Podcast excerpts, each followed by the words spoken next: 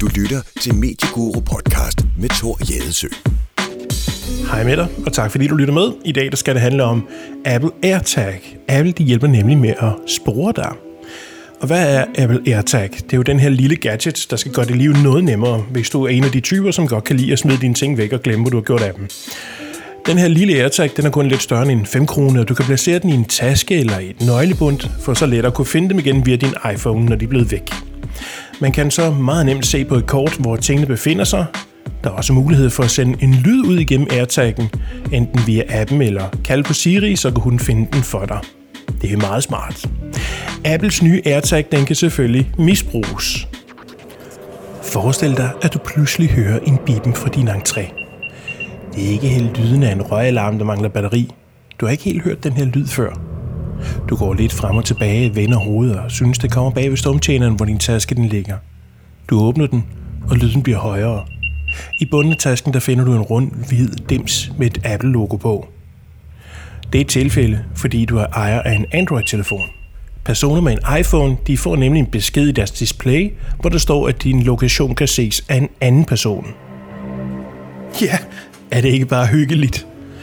Hvis vi lige kigger på det tekniske ved den her sporingsdims, Tre dage efter, at den er kommet væk fra den iPhone, taggen er peget med, vil den give en lyd fra sig, eller en besked i det display. Hvis du selv er iPhone-ejer, det vil så sige, at du skal have en iPhone 6s eller nyere, som er opdateret med den nyeste iOS. Ellers får du ingen besked.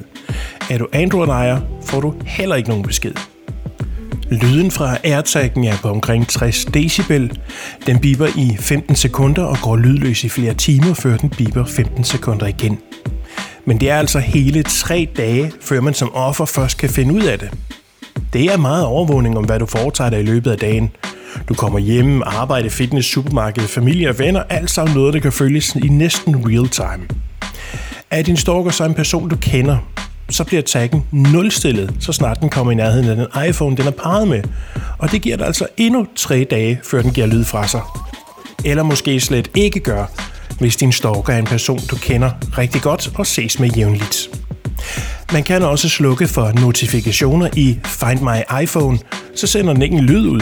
Så bliver det endnu sværere at opdage. Og hvis du skulle finde en AirTag et eller andet sted, der ikke tilhører dig, så kan du tage batteriet ud. God fornøjelse. Mulle, vent lidt! Hvad er der? Hvor skal du hen? Bjørn og jeg skal over og have en is. Jeg er pisse ligeglad. Vel er du ej, Mulle. Komm nur!